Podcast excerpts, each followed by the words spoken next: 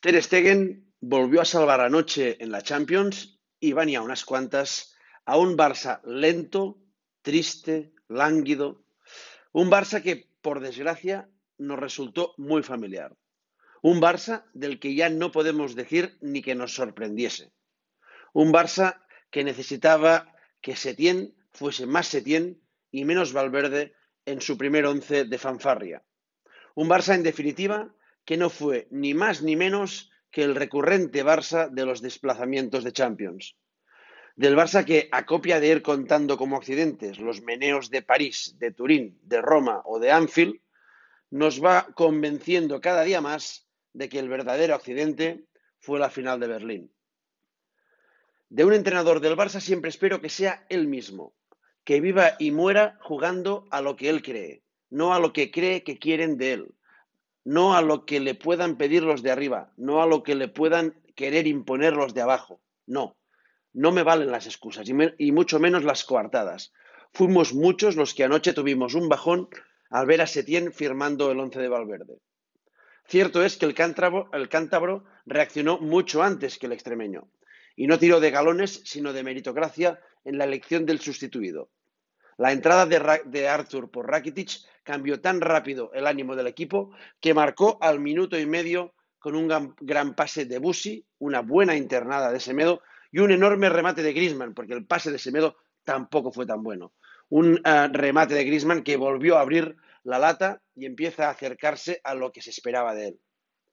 De lo que no tienen ninguna culpa, eso sí, ni Setién ni Valverde, es de que en un equipo envejecido solo se han fichado en los últimos años suplentes a precio de supertitulares, de que se venda a Carlas Pérez cuando faltan delanteros y de que el equipo esté a, estas alturas de temporada, tenga 13 fichas del primer equipo para el clásico del domingo y 12 para la vuelta de octavos.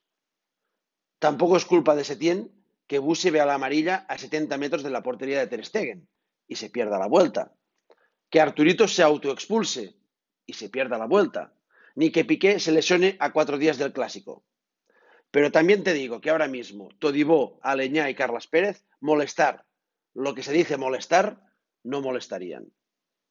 Pero si la primera noticia de la noche fue la alineación valverdista de Setién, la segunda noticia de la noche fue la reacción temprana y nada valverdista del propio entrenador cántabro cambiando el partido con Artur, la tercera noticia que más que noticia fue bombazo, fue Sergi Busquets señalando alto y claro la ineptitud de Avidal y Bartomeu, quienes tras maniobrar de pena en el mercado de verano tuvieron la oportunidad de ampliar y mejorar en el de invierno a un equipo muy castigado por las lesiones.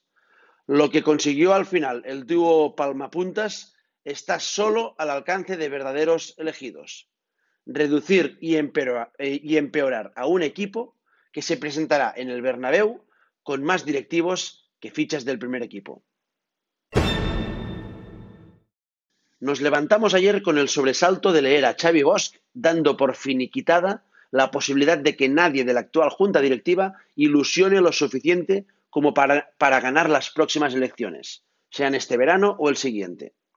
Tampoco os creáis que lo decía con demasiado pesar, lo que bien podría indicar que el aparato rosellístico nuñista ya da por amortizada la vía Manchados por Bartu y está preparado para abrir la de El Nuevo Sandro.